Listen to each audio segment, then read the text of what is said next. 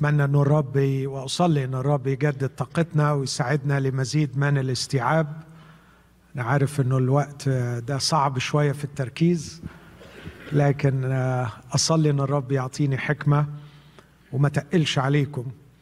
فنقدر نستوعب الرسالة اللي الرب عايز يوصلها لينا. في واحد احتملوني في شوية علم نفس مش كتار جرعة قليلة قوي. في واحد اسمه إريك إريكسون ده من أشهر الناس في تاريخ علم النفس اللي عملوا نظرية تشرح تطور الشخصية الإنسانية. وقال إنه الشخصية الإنسانية لكي تصل يعني بتتطور من مرحلة إلى مرحلة فحط ثلاث مراحل في النهاية سماهم مراحل النضوج من عشرين لأربعين ومن أربعين لستين ومن ستين لثمانين وحط أربع مراحل للطفولة. فالطفولة أربع مراحل والنضوج ثلاث مراحل. لكن في مرحلة في النص المراحل دي من zero ل 18 شهر من 18 ل 36 من 3 ل 6 من 6 ل 11 فتبدأ هنا في zero وهنا 11 سنة. كل دي مراحل طفولة ودي مراحل نضوج. أعتقد إن الشغل الكبير اللي عمله إريكسون هو على هذا البرزخ ما بين الطفولة والنضوج. ودي اللي هي مرحلة المراهقة. ودي تقريبا من 12 ل 19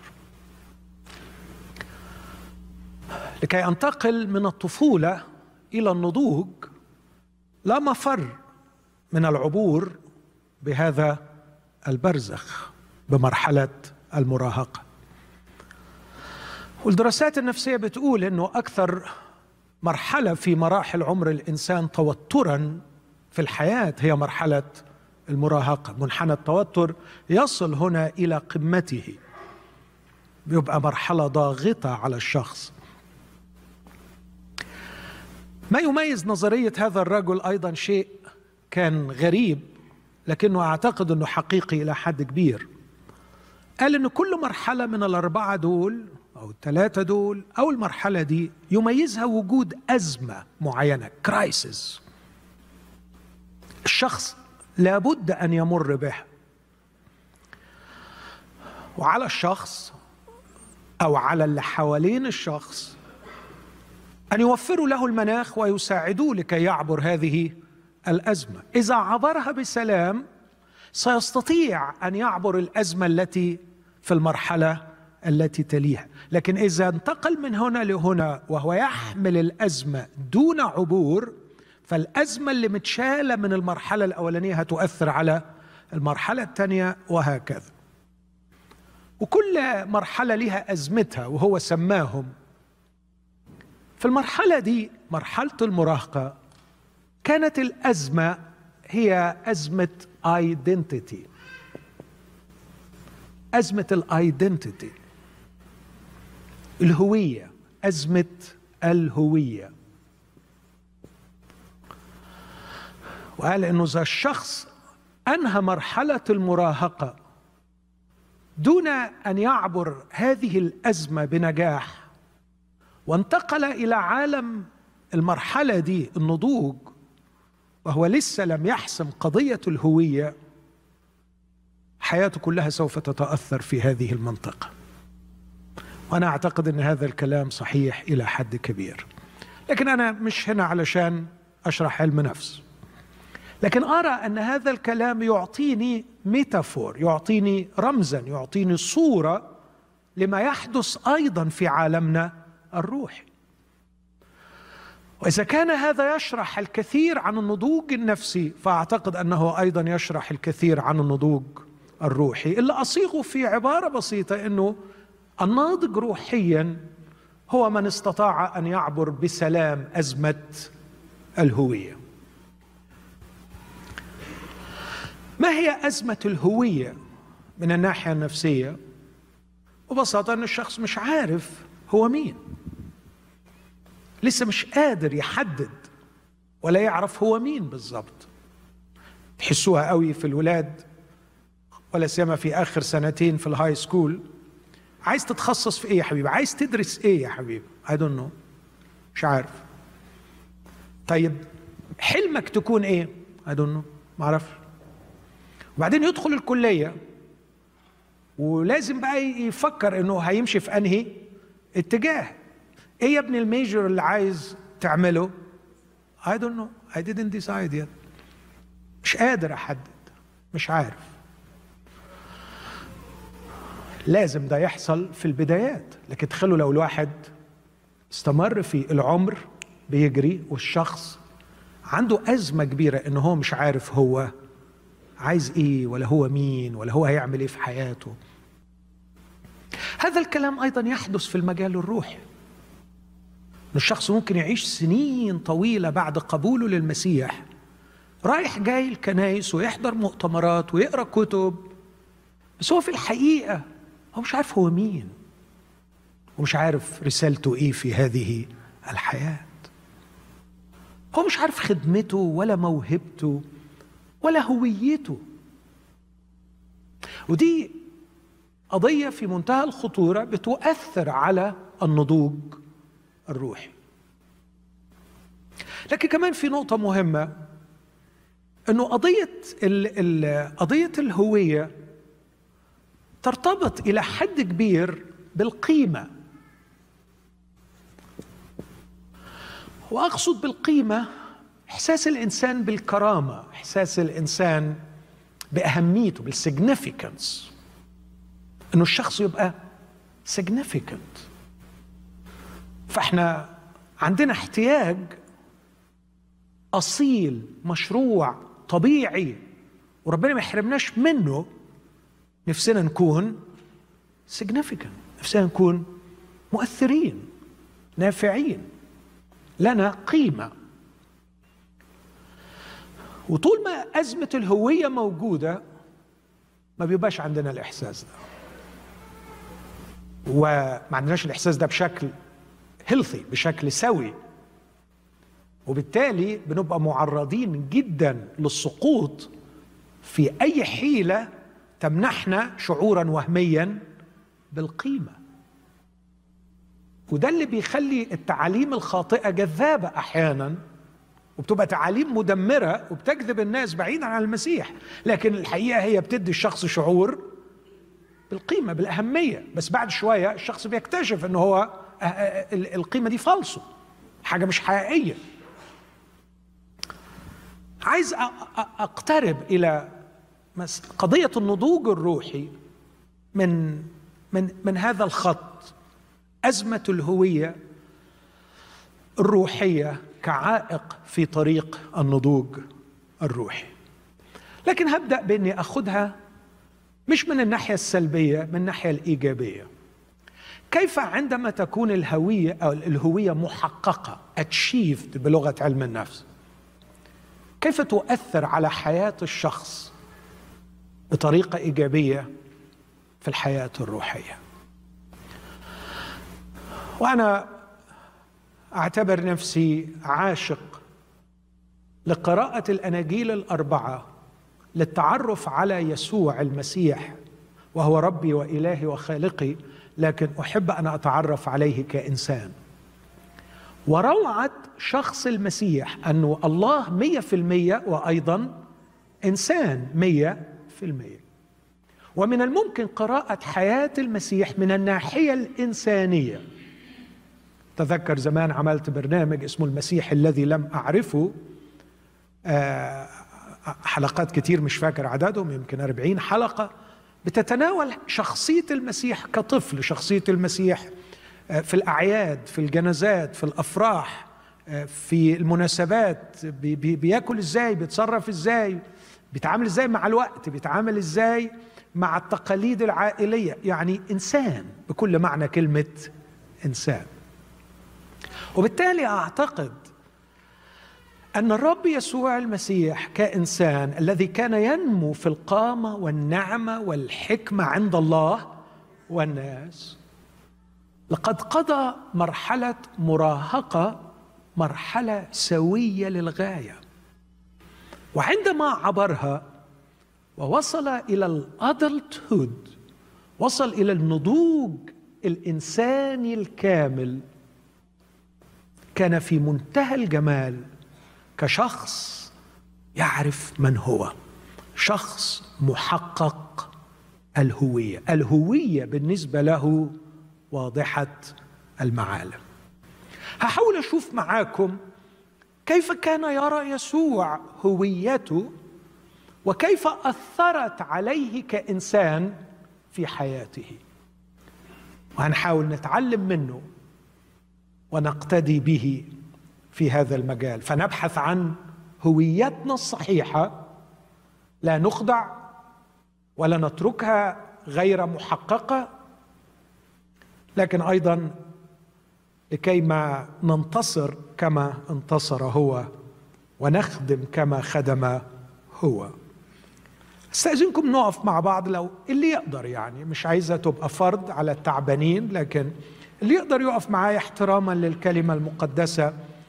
أقرأ معكم من إنجيل متى. الجزء الجميل عن المعمودية ثم التجربة على الجبل. متى 3 13 حينئذ جاء يسوع من الجليل إلى الأردن إلى يوحنا ليعتمد منه. ولكن يوحنا منعه قائلا. أنا محتاج ان أعتمد منك. وأنت تأتي إلي؟ فأجاب يسوع وقال له اسمح الآن لأنه هكذا يليق بنا أن نكمل كل بر. حينئذ سمح له. فلما اعتمد يسوع صعد للوقت من الماء وإذا السماوات قد انفتحت له. فراى روح الله نازلا مثل حمامة وآتيا عليه وصوت من السماوات قائلا هذا هو ابن الحبيب الذي به سررت. ثم أصعد يسوع إلى البرية من الروح ليجرب من إبليس. فبعدما صام أربعين نهارا وأربعين ليلة جاع أخيرا فتقدم إليه المجرب وقال له إن كنت ابن الله فقل أن تصير هذه الحجارة خبزا. فأجاب وقال مكتوب. ليس بالخبز وحده يحيا الإنسان بل بكل كلمة تخرج من فم الله.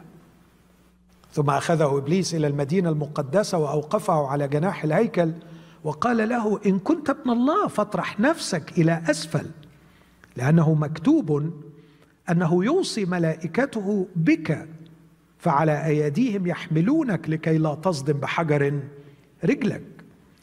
قال له يسوع مكتوب أيضا لا تجرب الرب إلهك.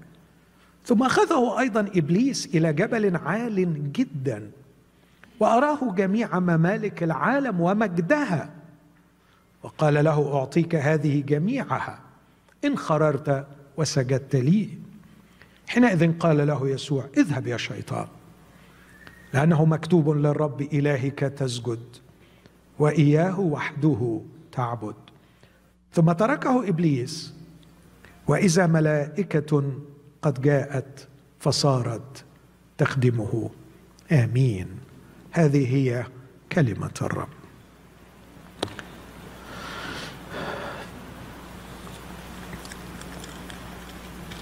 مثلكم ومثل كثيرين. كنت أشتهي أن الكتاب يطيل في الحديث عن تفاصيل حياة المسيح قبل سن الثلاثين. كنت أتمنى أن يذكر لنا الكثير لكن لحكمة لا أعلمها صمت الكتاب ولم يعطنا الكثير من التفاصيل عن حياة يسوع في هذه السنين. لكن الحقيقة اللقطة اللي الأناجيل الأربعة اهتمت بها وذكرت عنها سواء ذكرتها بالتفصيل كما في متى ولوقا أو باختصار كما في مرقس ويوحنا هو هذا المشهد النهائي الذي توجت به هذه السنين الثلاثين. وسن الثلاثين هو سن الكهنوت. كان الجندي في بني إسرائيل يذهب للجندية في سن العشرين. وكان اللاوي ينضم للخدمة في الهيكل في سن الخمسة وعشرين. لكن كان الكاهن لا يصير كاهنا إلا عند سن الثلاثين. ويبدو أن هذا السن إذا صارت الحياة مسيرة طبيعية له وضع معين في النضوج نضوج الشخصية الإنسانية. عشان كده أنا شخصيا لما بنصح الشباب بقول له اتجوز عند الثلاثين أحسن. تبقى يا دوب كبرت وتعرف تتجوز. أنا ما قطعتش الوصية دي بس كنت غلطان ما لقيتش حد ينصحني. كلما نضجنا أكثر كلما أصبحنا أكثر يعني صلاحية لتحمل المسؤولية لكن الحقيقة على الرغم من صمت الكتاب وتركيز الكاميرات والأضواء على هذه اللقطة التي توجت بها هذه السنين الثلاثين فإن هذه اللقطة ثرية للغاية. ثرية في لقطة المعمودية. والتي أراها أروع تتويج لمسيرة طويلة وثرية في لقطة التجربة التي أراها أعظم انطلاقه لما سوف يأتي. هاتان الحادثتان المعمودية والتجربة. المعمودية تلخص كل ما مضى والتجربة تشرح كل ما سيأتي. وهنا نرى روعة النضوج. لا أعرف التفاصيل لكن أعتقد أعتقد وهنا أتكلم بحذر وباحتراس شديد راجيا أن لا أكون جاهلا لا هو أنا جاهل أكيد ما عنديش شك في كده إن عندي جهل كتير وعلى فكرة أنا كتير قوي لما بصلي لكم بقول يا رب احفظهم من جهلي. لكن في المنطقة دي بالذات أخاف فأرجوكم إذا أخطأت أو خانني التعبير احتملوا جهلي. كيف كان يسوع يفكر في نفسه ابن من هو؟ لا أعرف. لكن كيف كيف نضج الوعي بأنه ابن الله؟ كيف وصل إليه الوعي أنه الله وإنسان؟ منطقة خطيرة.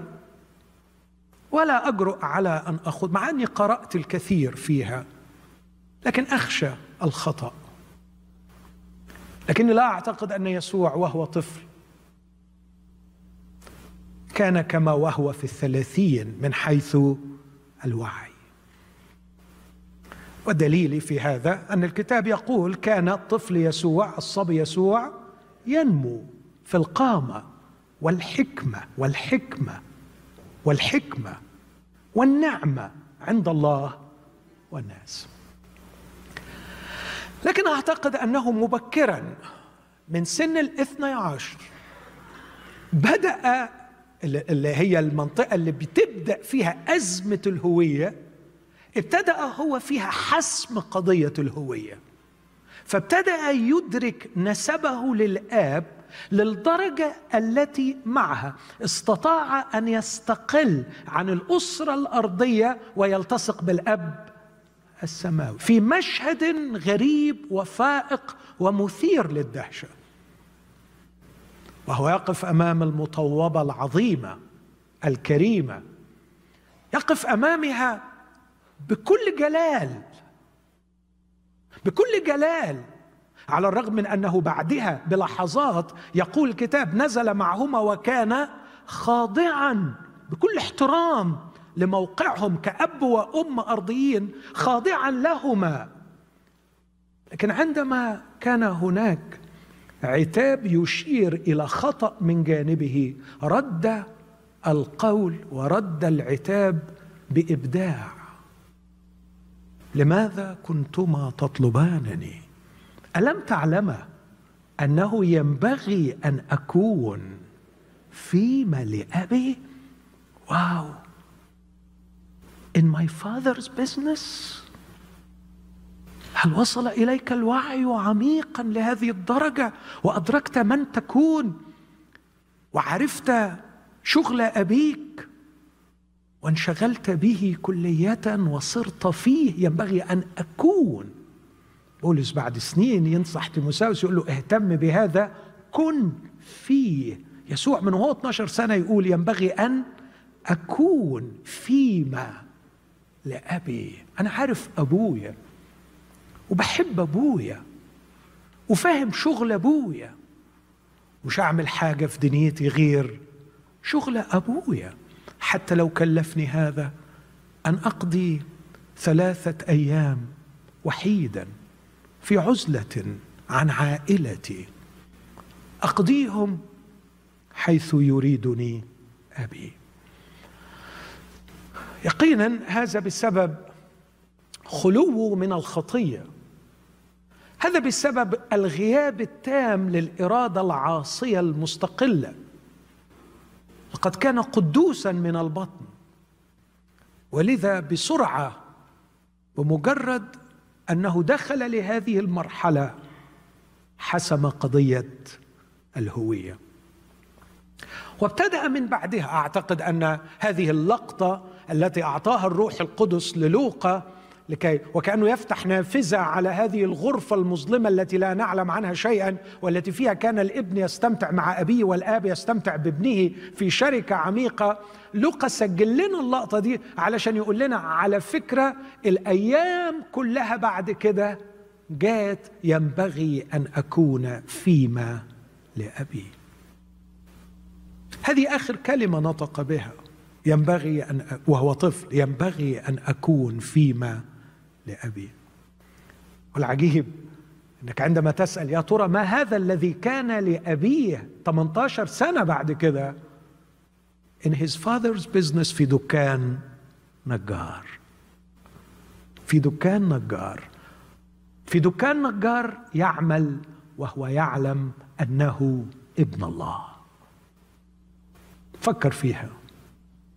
في دكان نجار يعمل وهو يعلم أنه ابن الله. لكن لأن هذه هي مشيئة أبيه. لم يأتي يا ابني الحبيب الوقت بعد. أعلم أنه من الممكن وأنت في سن الاثنتي عشر تستطيع أن تعلم الشيوخ. لكني لا أريدك الآن أن تعلم في الهيكل. أريدك أن تصلح الأبواب والشبابيك.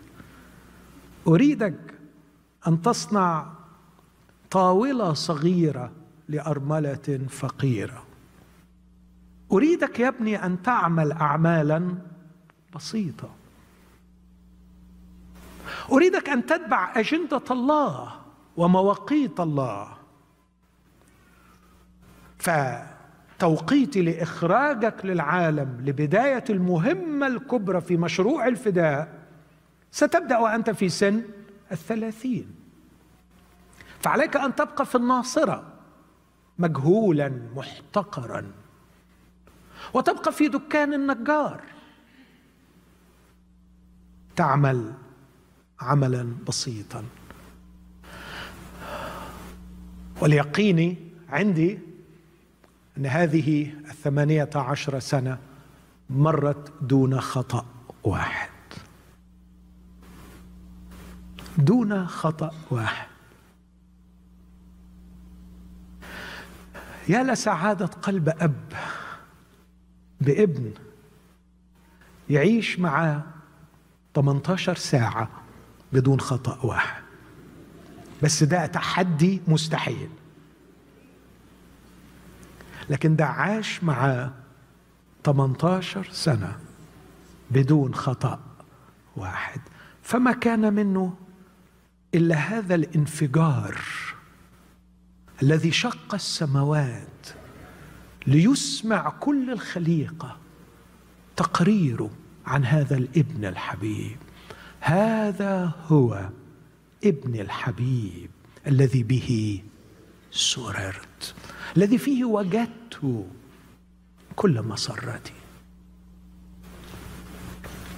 إلا أن حادثة المعمودية نفسها تكشف الكثير عن كمال صاحب الهوية المحققة. He is very secure من جوه مطمئن جدا مطمن جدا. مطمئن جدا وقوي جدا وصلب جدا لسبب واحد اسمعوني فيه أرجوكم. وحطوا تحتيه خط لأنه هو عارف هو مين. هو عارف هو مين. قوي جدا. لأنه عارف هو مين.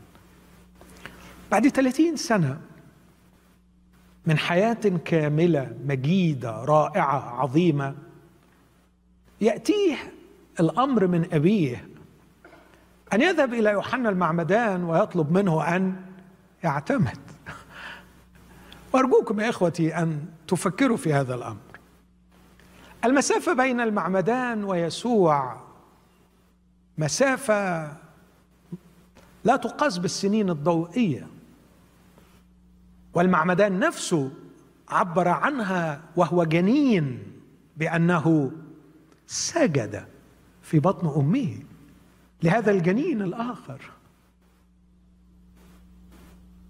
بالمناسبة يعني جنين يسجد لجنين وهنا يقتلون الأجنة.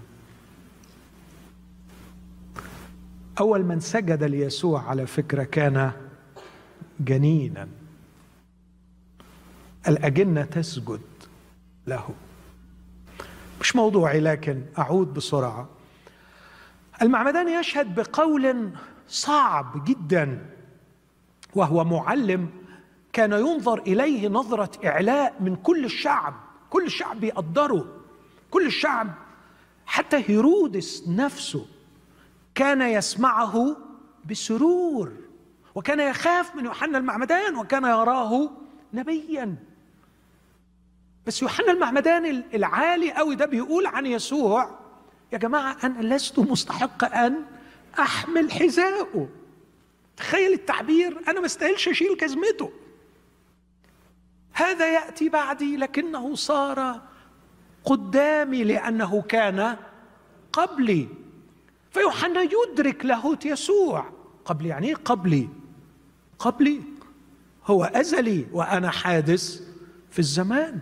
آه أنا أكبر منه في السن. لكن يبقى أنه هو منشئي وأصلي وخالقي. بس الرب يقول له الآب يقول له روح اتعمد من يوحنا. روح اتعمد من يوحنا. والابن الحبيب الجميل. Very secure. عندوش أي مشكلة. يروح المعمدان ويقول له أنا عايز أتعمد. المعمدان جات له صدمة عمره. مش مصدق عينيه. فقال له هذه الكلمة يا سيد أنا محتاج أن أعتمد منك وأنت تأتي إلي. بكل هدوء بكل روعة اسمح الآن. إيه الأخلاق الجميلة دي؟ إيه الأدب ده؟ إيه الرقي ده؟ إيه الروعة دي؟ إيه الجرأة دي؟ إيه القوة دي؟ مش عارف حضرتك إن دي هتبقى فضيحة قدام كل الناس؟ عارف حضرتك هم مين اللي بيروحوا للمعمدان مين اللي بيروحوا للمعمدان حسالة الناس الخطاة. هتروح وسط الناس دي. طب الناس تقول عليك إيه؟ طب نظرة الناس إيه؟ إخوتي من كان امنا من جهة هويته لا يعبأ بكلام الناس. لا يعبأ بكلام الناس. هذا هو النضوج. أن تكون ثابتا صلبا لأنك تعرف من تكون. لكن هؤلاء المساكين البؤساء اللي بيكسروا لي قلبي.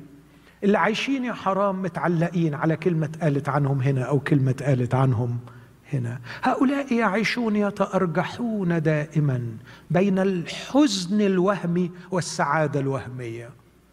إذا ذمهم الناس كذبا اكتئبوا وحزنوا ولا داعي للحزن. وإذا مدحهم الناس زورا وبهتانا سعدوا وليس لهم حق في أن يسعدوا فيعيش هؤلاء البؤساء يتأرجحون بين حزن وهمي وسعادة وهميه غلابة كقشة تحملها الريح. لكن هذا الصلب الثابت الراسخ في داخله. كل أمة إسرائيل سوف تتكلم عن هذا النبي الذي سيظهر بأننا رأيناه يوما. في الأردن يعتمد معمودية اسمها معمودية التوبة لمغفرة الخطايا. ما حدش ينزل لها إلا الخاطئ. وأنت يسوع ما عندكش خطية. يقول يس اي أنا ما عنديش خطية. لكن أنا أطيع أبي. اسمح الآن لأنه هكذا يليق بنا أن نكمل. كل بر. وبص الجمال بص الجمال في الأخلاق. بص الجمال في الأخلاق.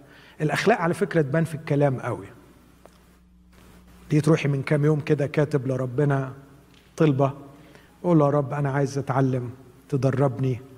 يبقى عندي أخلاق في خمس حاجات. علمني الأخلاق في الأكل. والأخلاق في الجنس. والأخلاق في التعامل مع الوقت. والأخلاق في الكلام. والخمسة نسيتها دلوقتي هفتكرها بعد شوية الكلام. بص يقول له إيه؟ ينبغي يليق بنا أن على فكرة كان لو قال له يليق بي أن أكمل كل بر خلاص. هقول له يا حبيبي يسوع اسجد لك أنت تكمل كل بر وهذا يليق بك. بس هو بص التواضع يضم مين معاه؟ المعمدان. يضم المعمدان معاه ويقول له يا معمدان أنت أرسلت من الله لكي تعمد وأنا أمرت من الله أن أعتمد أنت تعمل شغلك وأنا اعمل شغل كل لازم إحنا الاثنين نكمل كل فأنا زي زيك إحنا بنكمل البر. آه كم كنت أشتاق أن أكون هناك لأسجد وأقبل هذا الجميل وأشبعه تقبيلا. كم أنت عظيم يا يسوع. عظيم في أخلاقه. يليق بنا أن نكمل. كل أنت بتطيع. أنت بتطيع الله. اسمح لي أنا أطيع زيك. يسوع بيقول للمعمدان كده. اسمح لي أن أنا أطيع زيك. وينزل إلى مياه المعمودية. غير عابئ بكلام الناس غير عابئ بانطباعات هياخدوها الناس ويروحوا غير عابئ بإشاعات ورومرز هتروح يمين وشمال غير عابئ بكل هذا. يليق بنا أن نكمل كل بر. بس عندما حدث هذا السماء ما تحملتش. في مرقس يقول انشقت السماوات. السماء ما تحملتش كل هذا الجمال. السماء تفاعلت مع الجمال بالصوت والصورة. فالسماء انشقت والروح نزل. والصوت من السماء أتى. هذا هو ابن الحبيب الذي به سررت. حالة النضوج التي تهب الشخص جلال وصلابة داخلية. لأنه كان يعرف أباه وكان يعرف أنه ابن الله.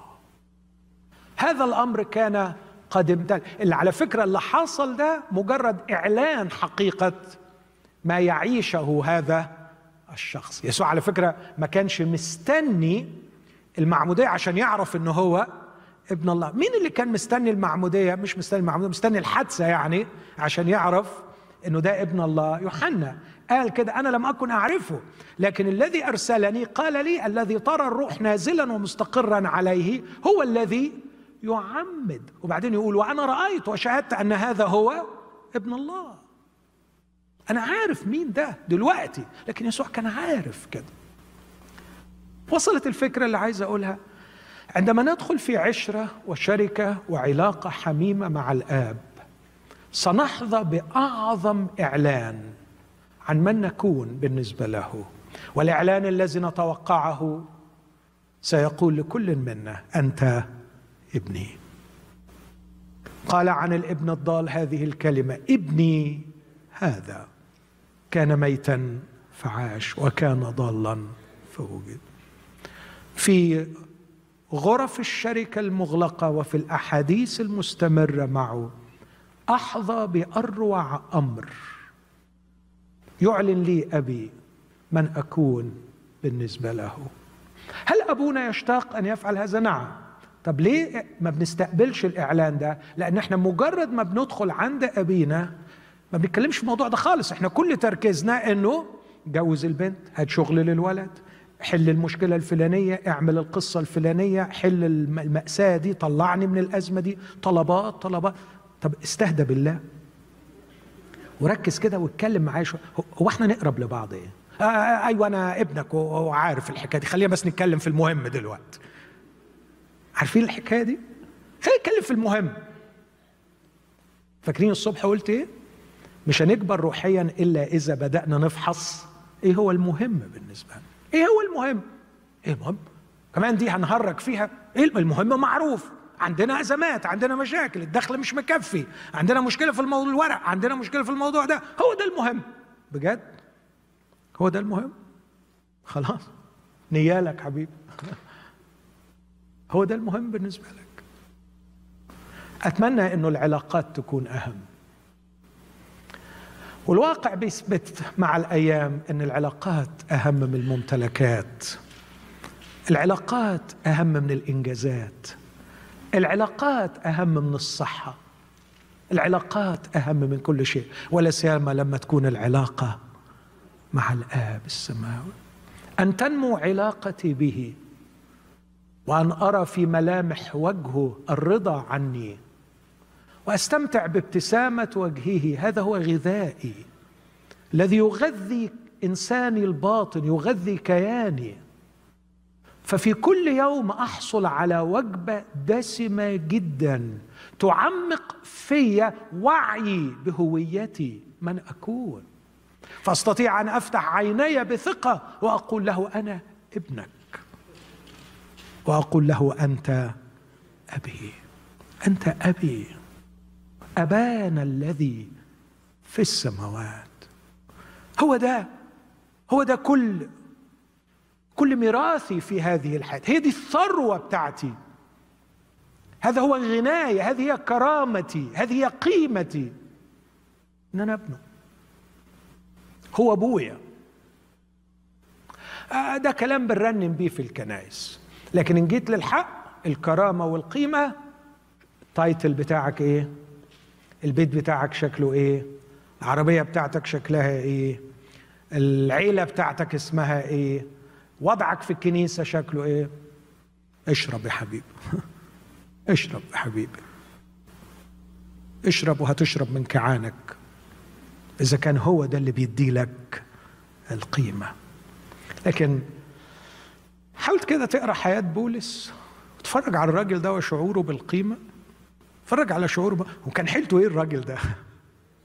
لا بجد الراجل ده عجيب وغريب وشخصيته تستحق الدراسة. الراجل ده لا يملك أي شيء في الدنيا. الراجل ده وهو مسجون كان بردان في السجن احتاج رداء ما يعرفش يشتريه يعني ما يقدرش يبعت حد يجيب له رداء. فوصى تيموثاوس يا حرام يقول له لما تبقى جاي وبيقال إنه تيموثاوس لما راح كان كان مشي من غير الرداء. كانش حيلته يشتري رداء. بس الراجل ده لما يقف قدام الملوك إني أحسب نفسي سعيدا أيها الملك أغرباس وأنا كنت بصلي لك ربنا يرقيك ويخليك زيي. إيه الجمال ده؟ يكتب لإخواته بيقول لهم كأن لا شيء لنا ونحن نملك كل شيء كفقراء ونحن نغني. إيه الجمال ده؟ يقف في أريوس باغز يدوخهم يدخل المجامع يدوخهم. قلب الإمبراطورية الرومانية. بولس واو. وعلى فكرة يقال ما أعرفش صح الكلام ده صح ولا غلط إنه طوله ما كانش يزيد عن 150 سم وأكيد يا حرام كان مضعضع في شكله من كتر الضرب اللي خده طول عمره. فلا هيئة ولا شكل ولا منظر. لكن بولس بولس دوخ مملكته الظلمة. بولس لما وصل أفسس أكبر مظاهرة في الكتاب المقدس قامت. لأن بولس وصل. بولس مرعب لمملكة الظلمة. مرعب ليها. لكن اتفرج على على ثقته اتفرج على جلاله على عنده قيمة وكرامة وعزة. حتى لما يتظلم من إخواته يقول لك هم تركوني كلهم ولا واحد بس لا يحسب عليهم. أنت كبير كده إزاي؟ لأنه يعرف هويته. يعرف من يكون. لقد كان تلميذا نجيبا لهذا الإنسان الكامل يسوع المسيح. لم يعبأ بقول الناس وأفكارهم وإشاعاتهم عندما ينزل إلى مياه المعمودية. لم يكن يبحث عن إبهار الناس. لكن كان يبحث عن إتمام مشيئة أبيه. وكأن الآب يقول هو ده اللي أنا شايفه ده ابني الحبيب الذي به سر. ده أجمل وأكمل وأعظم وأروع إنسان ظهر على وجه الأرض. مفيش مخلوق زي كده. ده حاجة حاجة وحدية حاجة جميلة كده. وعشان أوريكم تعالوا نعمل له امتحان مع بعض. فراح بعته إلى البرية يجرب من إبليس أربعين يوم والحقيقة كان طول الأربعين يوم عمال يجرب فيه. بس الكتاب ذكر الثلاث تجارب الكبيرة الأخيرة ما أعرفش. ذكر الثلاث تجارب دول. التجربة الأولى وعلى فكرة إبليس ذكي جدا بس ما يفهمش في الأمور الروحية. إبليس يفهم في علم النفس يفهم في الأمور النفسية من خبرته مع البشر لكن لا يستطيع أن يعرف ويدرك الأمور الروحية. يعني أنا متأكد أنه لو حضر معانا الاجتماع مش هيفهم أي حاجة من اللي أنا بقوله. وأكيد هو حاضر طبعا. يعني أمال مين اللي لعب في دماغك من شوية؟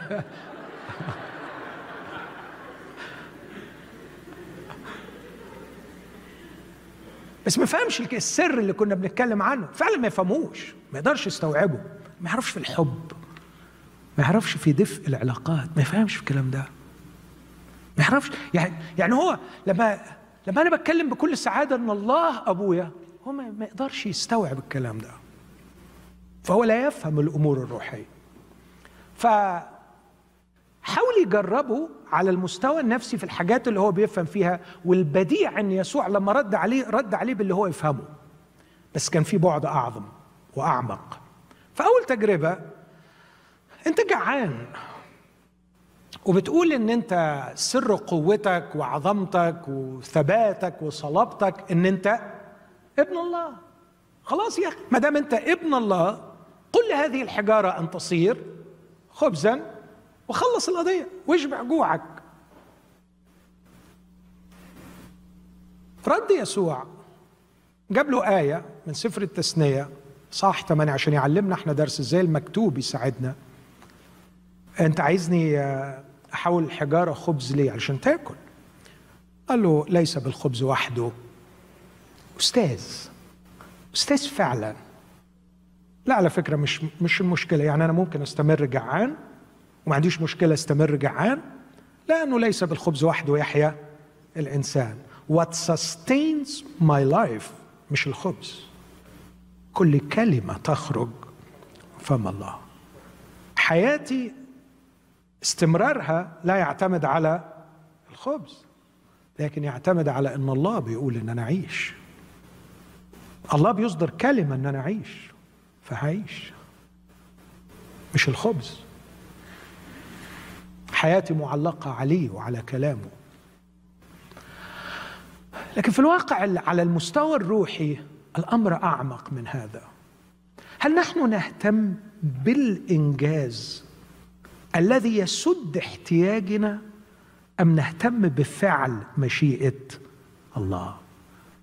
ده على المستوى الروحي. بس الحاجات دي ما يفهمهاش إبليس.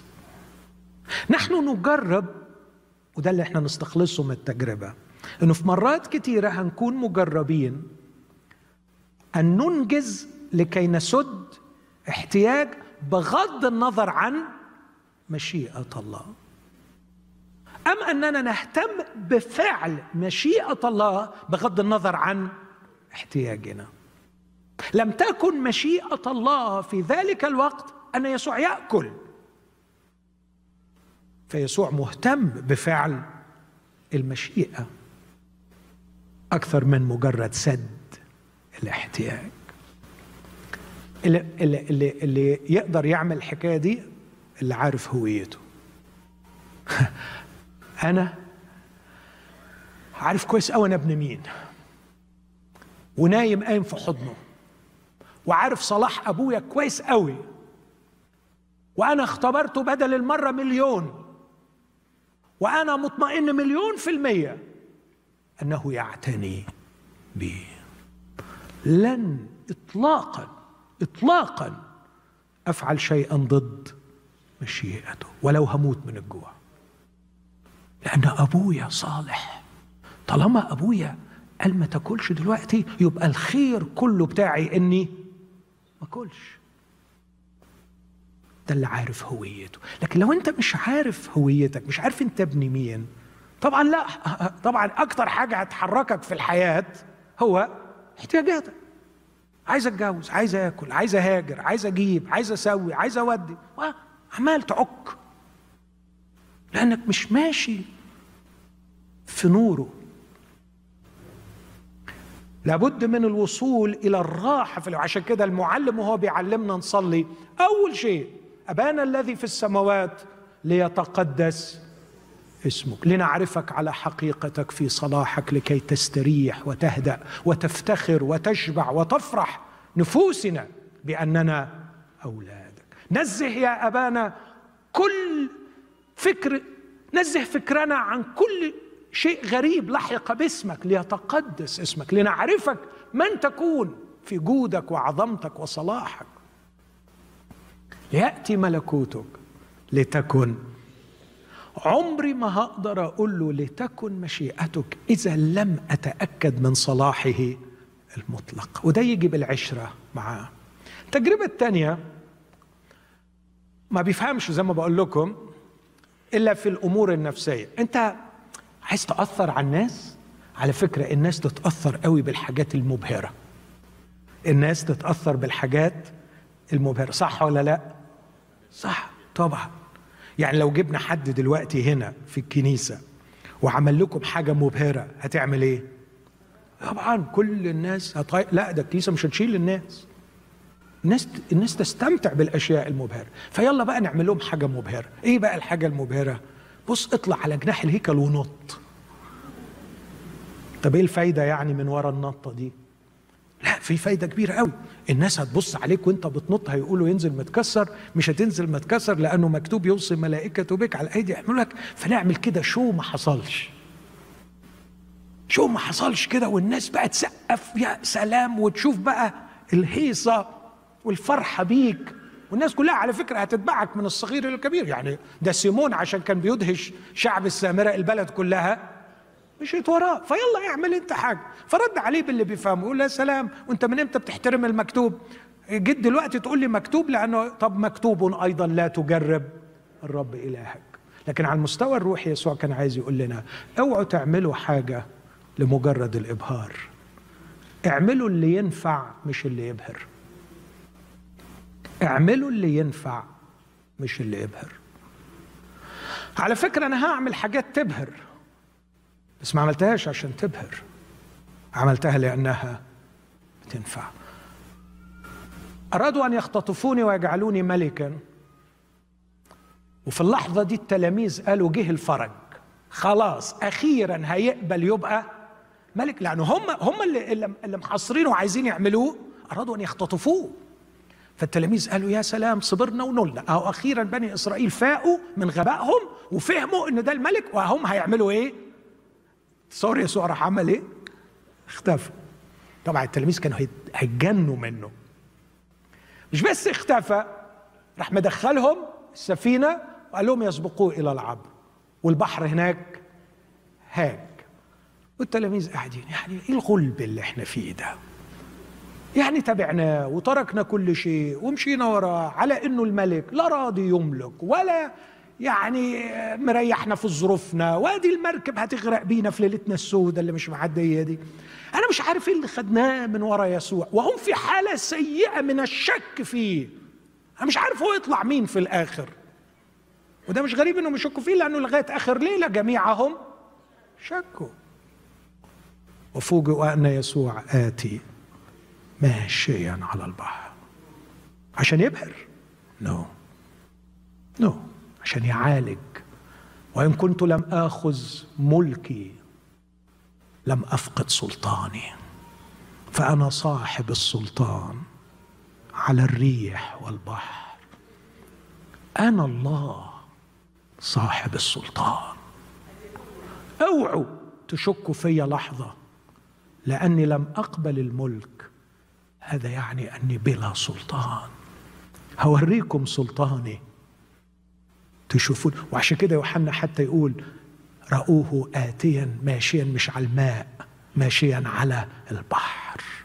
البحر بعجيجه المرعب تحت رجليه. صاحب سلطان. عندما يفعل يسوع شيئا مبهرا لا يعمل شيئا مبهرا لكي يبهر لكن يعمل لكي ينفع. المراهقين واللي مش هينضجوا غلابة. القوة المحركة ليهم هو ما يبهر. وعشان كده تلاقيهم كسلانين ونايمين على الكاوتش وماسكين ال remote control أو ماسكين التليفون وحاطط جنبه طبق الأكل عمال ياكل ويتفرج على ال TV أو يلعب في التليفون. ليه؟ لأنه ال motivating power اللي تحركه انه يقدر يعمل حاجة تبهر وهو مش لاقي حاجة تبهر يبقى ما فيش حاجة تتعمل. المشكلة انه يعدي مرحلة المراهقة وظروف الحياة بتدفعه ناحية انه يشتغل ويتجوز ويعمل ويعيش بس عايش برضه ال motivating power القوة الدافعة ليه هو مستني انه يعمل حاجة تبهر. وطالما ما بيبهرش يبقى مفيش حاجة ليها معنى ولا تستاهل تتعمل. يسوع كان بيقول إن النضوج هو أن تفعل ما ينفع لا أن تفعل ما يبهر. تحاولش to impress others لكن حاول إنك تفيد الآخرين. ما تشتغلش علشان الناس تقول عنك wow لكن اشتغل علشان الناس تاكل من خيرك. اعمل حاجة نافعة للناس حتى لو الناس ما فهموكش وقالوا عنك ما بيفهمش. بس المهم تكون بتنفعهم. لكن المأساة الكبرى أننا تمر الأعوام وعشرات السنين ونحن صغار في الداخل. ما يحركنا هو أننا نريد أن نبهر to impress بصوا بصوا إحنا عندنا إيه؟ بصوا إحنا بنعرف إيه؟ بصوا إحنا بنملك إيه؟ لسه صغير. ده ناتج من إيه؟ من أزمة الهوية. لأنه هو لسه ما حددش هو مين. فهو مستني ياخد من عينين الناس الجواب. فلما يعمل حاجة تبهر الناس هيقولوا إيه؟ ها؟ مبهر. فهو يروح معلق لنفسه التايتل بتاعه أنا الأخ مبهر. أنا الأخت مبهرة. وأروح مبهر. مبهر. وهو ده ال title بتاعه. هو ده اللي أنا نفسي فيه. هيقولوا عني ذكي wow. أروح النهارده زكي واحد تلاقيه كل همه في القعدات إنه يقول نكتة. عشان يا حرام ال title اللي هو مستنيه دمه خفيف. هو ده اللي عايش علشانه إنه فلان يتميز بكونه funny جاي دمه خفيف. أو مموت روحه وشغال عربية إسعاف لكل الناس علشان يتقال عنه جدع. بيخدم. شهم خدوم. مبهر. لا اعمل اللي ينفع. مش تعمل اللي يبهر. لا مش هنهط من على الجبل. بس أنا مش هفهمك الحاجات دي لأنك ما تفهمهاش وفعلا إبليس ما يفهمهاش. فهمش يعني إيه ينفع؟ هو ما يفهمش إلا في الأذى. هيفهم إزاي؟ في النفع. فيقول له أنت عايز إيه؟ علشان مكتوب طب ومكتوب أيضا. لا تجرب الرب اليك اخرس بقى وامشي. لكن جاله في الحتة الثالثه وقال له بص إحساسي كده إن أنت الملك. شكلك كده. النجم اللي ظهر والناس اللي جم والملائكة اللي رنمت ما أنا سمعتهم وهم بيرنموا. فأنت شكلك كده أنت الملك. فواضح جدا أنك ناوي هتملك على كل حاجة. أنا عارف جبرائيل قال يعطيها الرب الإله كرسي داوود أبيه فيملك على بيت يعقوب ولا يكون لملكه نهاية. خلاص أنت الملك. على فكرة بقى أنا ممكن أدي لك الملك. وعلى فكرة بقى الفرق بيني وبين أبوك. كبير قوي. أبوك هيديك الملك بالصليب. أنا هديهولك بركعة واحدة. الركعة دي مش تاخد منك ثانيتين. هي توطية كده وتقوم وخلاص. ونخلص الموضوع. وكل اللي انت وبعدين انت لما هتملك هتملك. وتنشر الخير والصلاح والبر والحق وتعمل كل الحاجات الحلوة اللي نفسك فيها. يلا. بلاش منه. طاعة الله حتى الموت موت الصليب. طبعا أنا لما بقرأ الحتة دي بتنرفز. فبقول يعني يا يسوع كان لازم تلطشه قلمين وتقول له اخرس يا قليل الأدب أو تبيده من على وش الأرض. يعني إنه يتجرأ المجرم ده ويقول لك اركع لي ده عايز قصف رقبته. إزاي أنت مستحمله يعني؟ بس هو يسوع طبعا جميل. قول يسوع جميل. حلو كده محترم. فقال له اذهب يا شيطان. بص الادب خلاص اذهب دلوقتي. انت زودتها اذهب يا شيطان. ده آخره يعني. آخره لما تنرفز خالص على الشيطان قال له اذهب يا شيطان. وبعدين يرد عليه باللي فهمه برضه مش بيقول له يا مقصوف الرقبة يا قليل الأدب أنا ربك وإلهك وانت بتقول لي اسجد لي لكن يقول له لأنه مكتوب للرب إلهك تسجد وإياه وحده إيه الجمال ده؟ إيه الجمال ده؟ وبيعلمني أنا درس تاني في الأخلاق إن المكتوب هو النقطة المرجعية الأقوى والأعظم. حتى لو كان المنطق بيحتم غير كده. المنطق يقول قول له أنا ربك وإلهك وخلقك. يلا غور من وشي. لا. يقول على فكرة أنا مش هسجد لك لأنه تخيل. تخيل. أنا مش هسجد لك لأنه مكتوب. لكن على المستوى الروحي بتاعنا اسمعوني يا أحبائي في النقطة دي. ليس غرض الله أن نحقق مشيئته.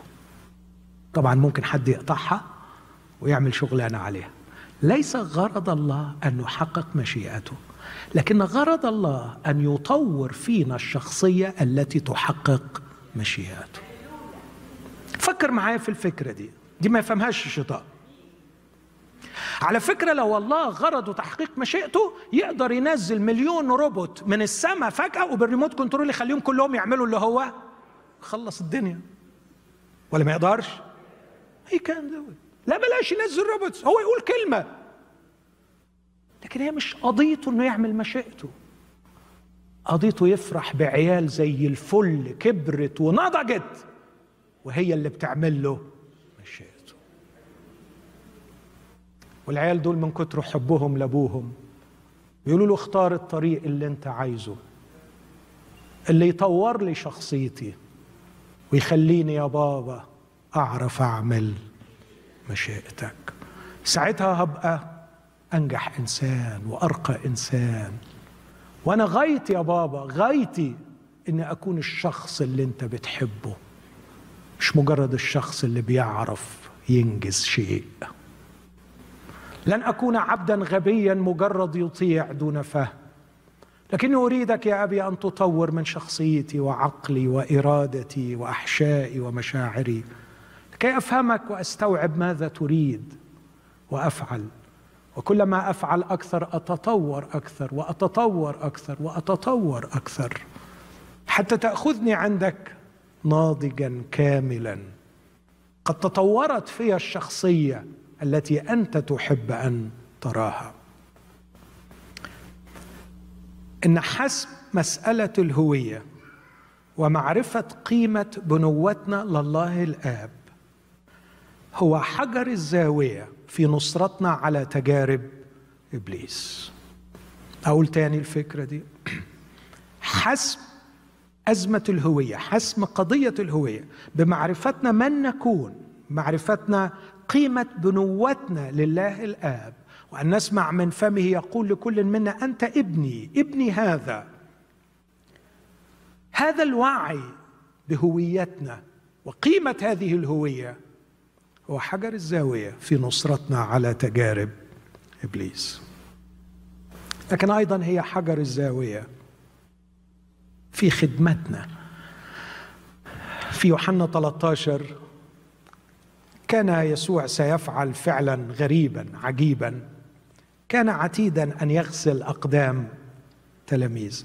بس بصوا الكتاب يوحنا لما سجل القصة سجلها بمقدمة طويلة شوية يوحنا 13 من فضلك يقول أما يسوع قبل عيد الفصح يتهيألي لو هيكمل يقول أما يسوع عدد واحد قبل عيد الفصح ويدخل على عدد أربعة.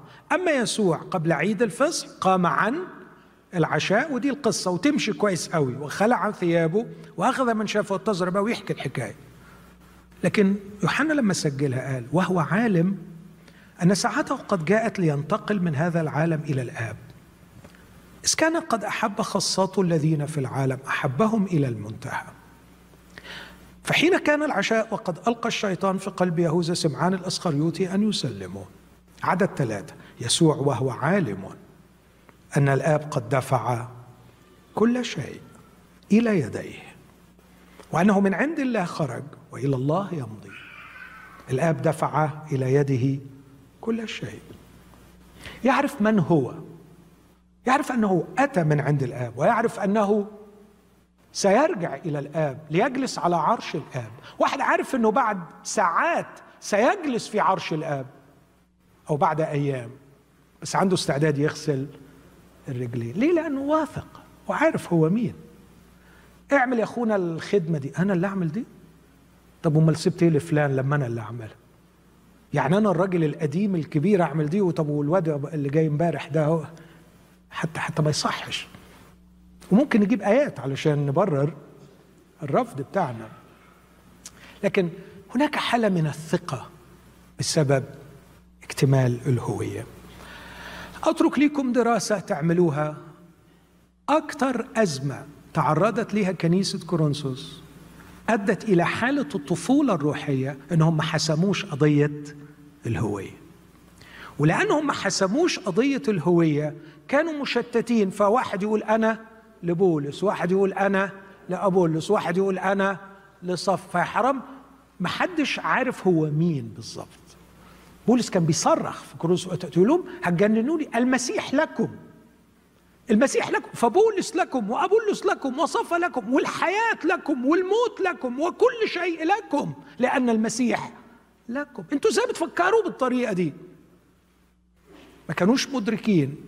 وده يخليني أقول إنه التناحر بين الطوائف والتفاخر بالطوائف هي أزمة هويه أزمة هويه لو كل واحد عارف إنه ابن للآب السماوي وإنه ليسوع وإنه يسوع ليه هيتواضع وهي ويحب إخواته ويحطهم على راسه وعمره ما يجد فخره أو قيمته في الطائفة اللي هو بينتمي بيها. لكن حرام اللي بيجد قيمته وفخره في, الطائفة اللي بينتمي ليها ده بيعاني من أزمة هوية لكن اللي, اللي, اللي, مشفي من جوه يجد فخره في يسوع. يجد فخره في الآب السماوي. مش محتاج أضيف عليها حاجة عشان تديني قيمتي. نفتخر في المسيح يسوع بقي لي قد وقت.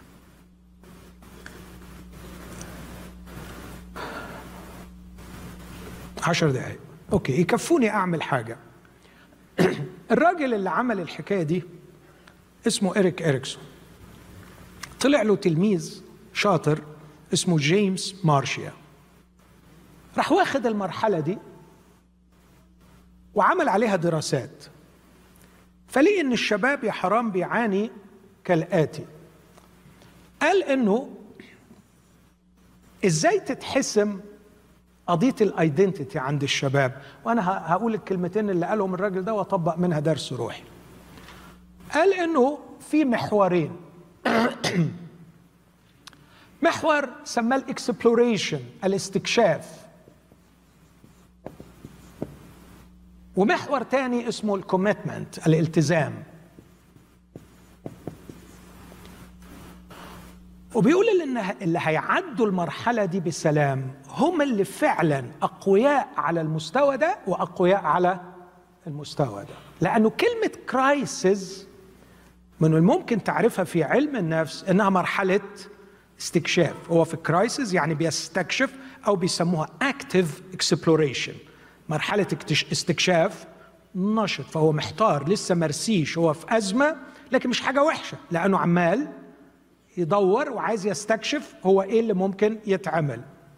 بس بيقول إنه مهم قوي إن الولد يكون أهله ساعدوه في المراحل اللي قبل كده إنه يكون عنده جرأة على الاستكشاف وكمان عنده قدرة على الالتزام الكوميتمنت يتحمل مسؤولية يعني.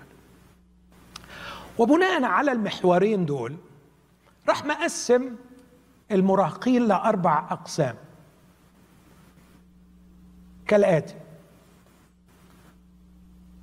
في ناس عندهم الالتزام ضعيف وناس عندهم الالتزام قوي. في ناس عندهم الاستكشاف ضعيف وناس عندهم الاستكشاف قوي. فتتقسم كده. لو قلنا هنا ضعيف قوي ضعيف قوي فيبقى عندنا أربع أنواع.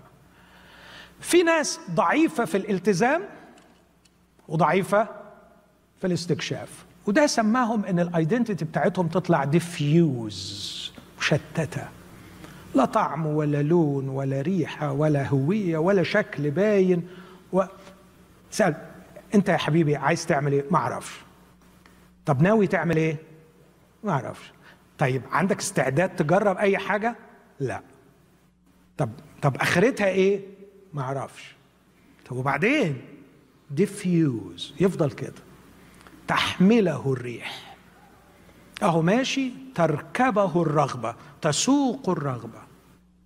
مشكلة. لكن في نوع بيبقى ضعيف في محور الالتزام لكنه قوي في الاستكشاف وده بيسموه موراتوريوم والموراتوريوم هو اللي معلق القصة هو بيبحث بيبحث بس عنده إحساس غريب إنه العمر طويل فإحنا هنجرب هنجرب خصوصا الجيل الجديد اللي بيسموه Y generation في دراسة بتقول سنة 2030 العيل من دول هيقول لك في آخر عشر سنين غيرت ال career بتاعي ثلاث مرات وغيرت الوظيفة ست مرات فعمال يعمل إيه؟ ها؟ أه؟ يستكشف ويستكشف بيستكشف بس ما عندوش استعداد إنه يلتزم ويتحمل مسؤولية لكن في نوع تاني قوي جدا في الالتزام بس بيريح دماغه ما يحبش ان هو يستكشف فبيبقى قوي التزام ضعيف استكشاف وده بيسموه foreclosure foreclosure foreclosure ممكن تفهمها بمعنيين إنه قفل دماغه على أي option تاني غير اللي هو شافه تربى عليه عرفه خلاص بيقفل دماغه عليه. أو foreclosure إنه رهن الهوية بتاعته.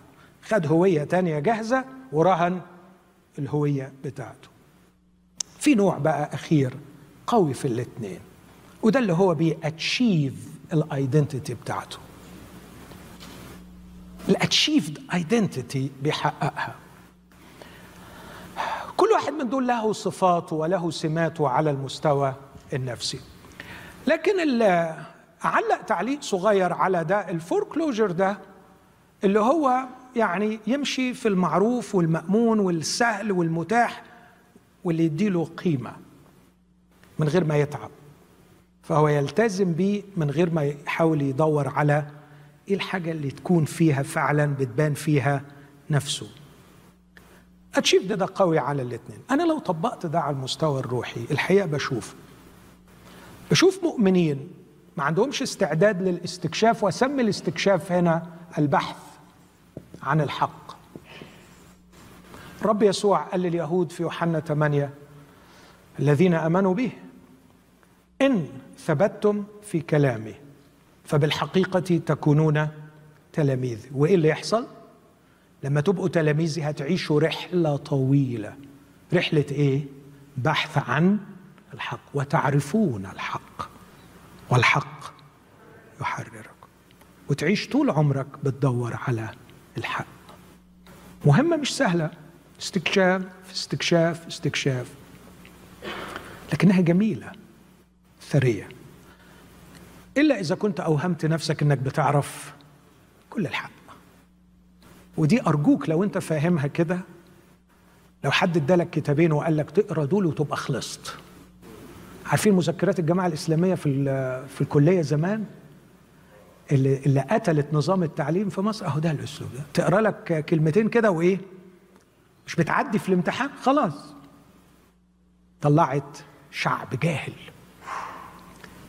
لو حد أوهمك وفهمك إنك عارف الحق ضحك عليك.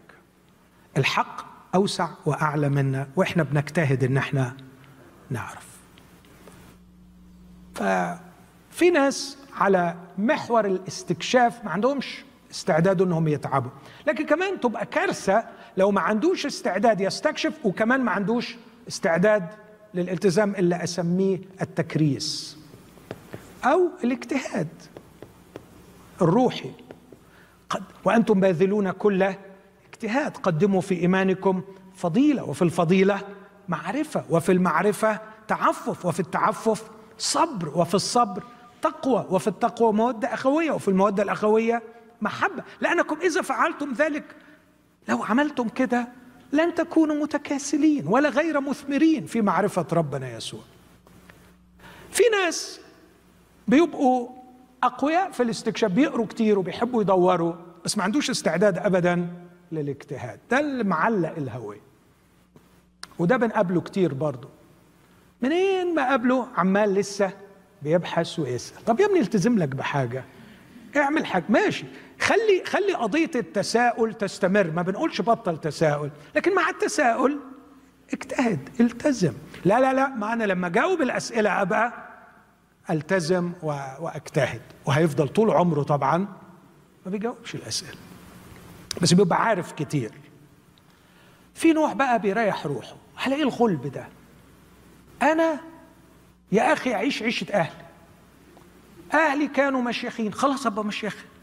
أهلي كانوا أباط. أنا هبقى آه، لسه هندور. لا خلاص. عيش عيشة أهلك. امشي على أنت هتجيب الديب من ديله. اللي مشوا عليه أهلك أنت أعمل إيه؟ أبوك كان دكتور أبقى دكتور. أبوك كان صيدل أبقى صيدل. أبوك كان قسيس اطلع قسيس وخلص نفسك. اللي تعرفه أحسن ما تعرفوش. أيوه بس الرب يسوع بيقول لي إن لازم أكون زي أهل بيرية الذين كانوا يفحصون الكتب كل يوم بنشاط لكي يروا هل هذه الأمور هكذا. دول يبقى عندهم foreclosure قفلوا دماغهم على اللي هم عارفينه وملتزمين بيه كل الالتزام. ودي بتبقى شخصيات صعبة جدا لا تنمو ولا تتطور ولا تحقق الهوية. إذا أردنا تحقيق هوية مسيحية هوية مسيحية ناجحة نحتاج أن نصل إلى آه هذا هذا التعهد في داخلنا أن نجتهد في أمرين تدريب للعقل أن يبحث دائما عن الحق وأن يخضع كل شيء للتفكير والدراسة. ولا يقبل بالمسلمات لكن يقرأ ويدرس ويجتهد. والأمر الثاني أن يدرب الإرادة على الاجتهاد الروحي. أما ما قد أدركناه بولس يقول كذا. بص بص في مرحلة البحث أرجوكم تقروا معايا النص ده ونختم بيه ليؤكد الفكرة دي. في رسالة فيليبي ودي رسالة الناضجين. رسالة الناضجين يقول كده في فيليبي ثلاثة بيقول لهم على المنهج الروحي لكن لا يفرضه عليهم. لكن يقول لهم في النهاية فليفتكر هذا. فيليبي ثلاثة عدد 15 فليفتكر هذا جميع الكاملين من الكاملين يعني الناضجين. وإن افتكرتم شيئا بخلافه فالله لأنهم في حالة بحث واستعداد مستمر للتعلم. الرب بيفرح بالناس دول. فالله سيعلن لكم هذا أيضا. بس من الناحيه الثانية لازم يبقى عندكم التزام. وأما ما قد أدركناه نعمل إيه؟ فلنسلك بحسب ذلك القانون عينه ونفتكر ذلك عينه. في الأولى بحث في الثانية التزام. عشان كده الناس دول اللي هم الاتشيفد مارشيا بيقول عنهم بيعيشوا حالة اسمها هو سماها MAMA. إيه MAMA دي؟ قال moratorium achieved moratorium achieved يعني بعد ما يحقق ال identity بتاعته ويكرم الرب بيها ممكن فجأة يقف ويلاقي إن فيه حاجة ما كانش فاهمها. فيبدأ يراجعها. فيدخل مرة تاني لحالة ال moratorium فيبدأ يبحث من أول وجديد. لكن لأنه متدرب على الالتزام بينجز وبينقل لمرحلة أبعد. وده مش غريب أنه يحصل أحيانا بيحصل بعد عشرين سنة بعد عشر سنين من الالتزام بشيء معين. لكن هذا هو طريق النمو المسيحي الصحيح. الخلاصة دعونا ندخل إلى الشركة مع الآب. ونتعمق في وعينا أننا أبناء الله. الروح نفسه يشهد مع أرواحنا أننا أولاد الله.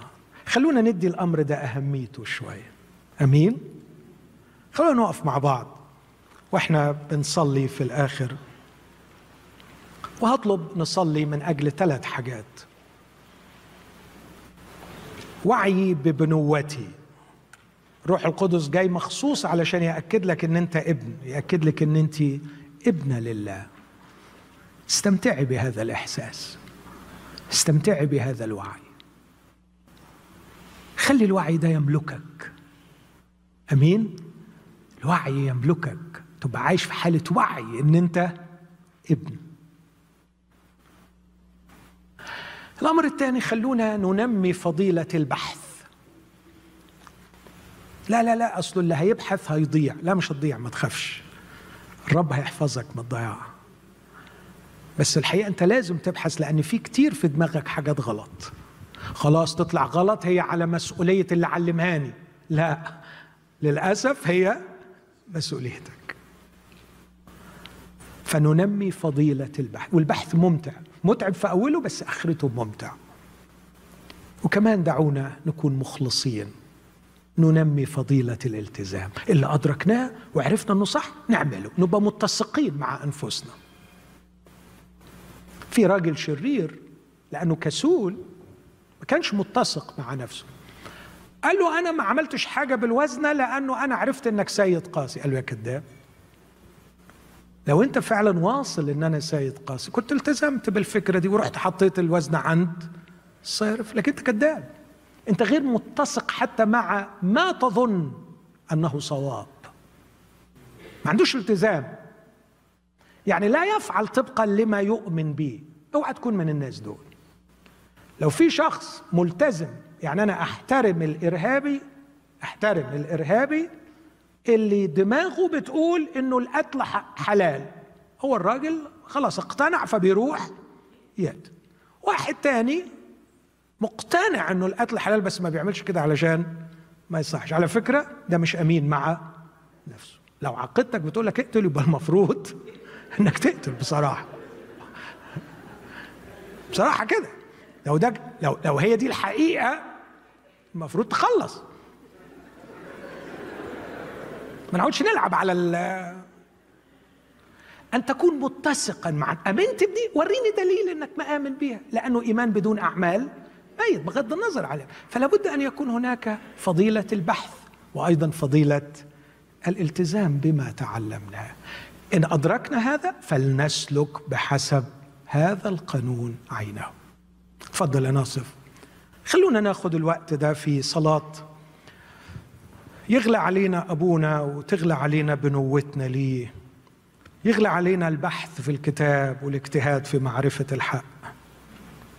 ونقرر إن إحنا نلتزم ونجتهد ونتكرس. هكذا تتحقق الهوية تكتمل الهوية. وساعتها أصمد أمام تجارب إبليس. وساعتها أنجح في الخدمة بتاعتي. النجاح أمام إبليس يحتاج إلى هوية محققة. والنجاح في الخدمة يحتاج إلى هوية محققة.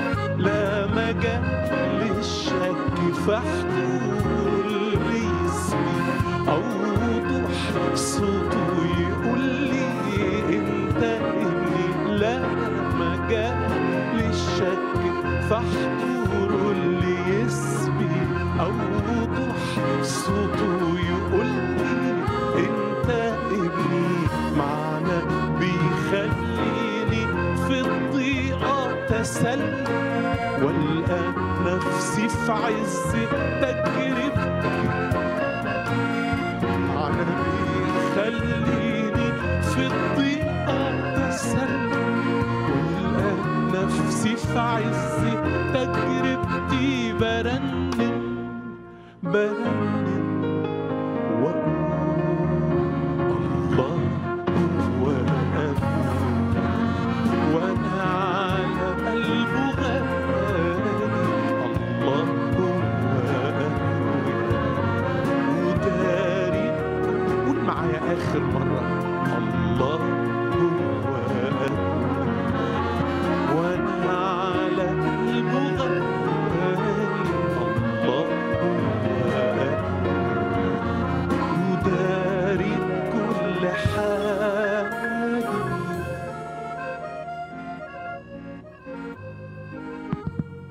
ابن على قلب الآب كان يسوع.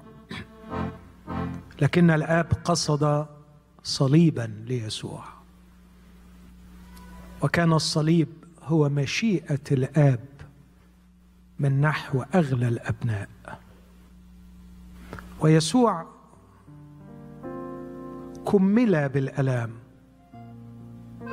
واذ تعلم الطاعة وكمل بالألام. صار لجميع الذين يطيعونه سبب خلاص أبدي. يسوع هو المخلص اللي تسجد له كل ركبة بالصليب. أنا ما أعرفش إيه الصليب اللي قصده لك الاب أرجوك لا تكره صليبك. احتضنه. واقبله إذا كان هو وسيلة تطوير شخصيتك لتنجز مشيئة أبيك. لا تسأل كم هو مؤلم. اسأل شيء واحد. هل يساعدني في إتمام مشيئة أبي؟ هل يجعلني شخصا أفضل؟ هل يخلصني من عيوب لا يمكن أن أتخلص منها إلا به؟ خلونا ما نقيمش ألمنا وتجاربنا بشدتها أو ضعفها. خلونا نقيمها بشيء واحد. يا أبي هي هتساعدني في إني أكون الشخص اللي بحسب قلبك.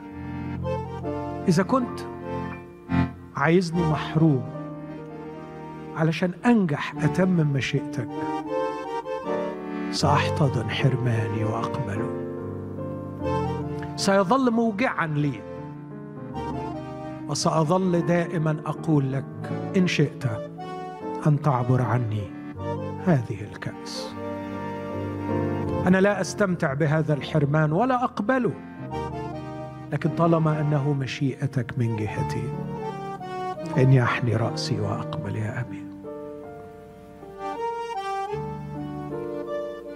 خوض الصراع ده في الصلاة وده حقك على أبيك انه يؤكد لك إن هذه هي مشيئة من نحوك.